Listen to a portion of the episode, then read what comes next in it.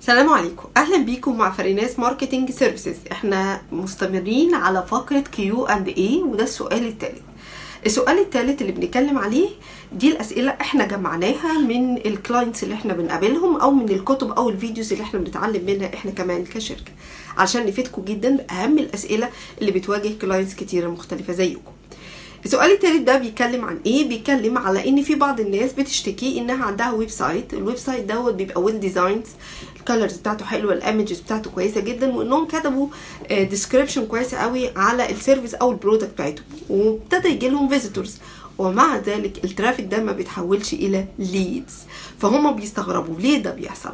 الحقيقة دي ليه بيحصل؟ إنه في حاجة اسمها مهمة جدا لأنه لازم ال website يكون عامل communication بينه وبين ال target audience بتاعهم من خلال إن أنت بتقدم value ال value دي بيحصل لها اكستشينج إن أنا بدي value free information بتساعد ال client بتوعي إنه يتحل مشاكلهم بتاعتهم وقصاد كده أنا باخد الإيميل بتاعهم for free ال values دي ليها أشكال كتيرة مختلفة.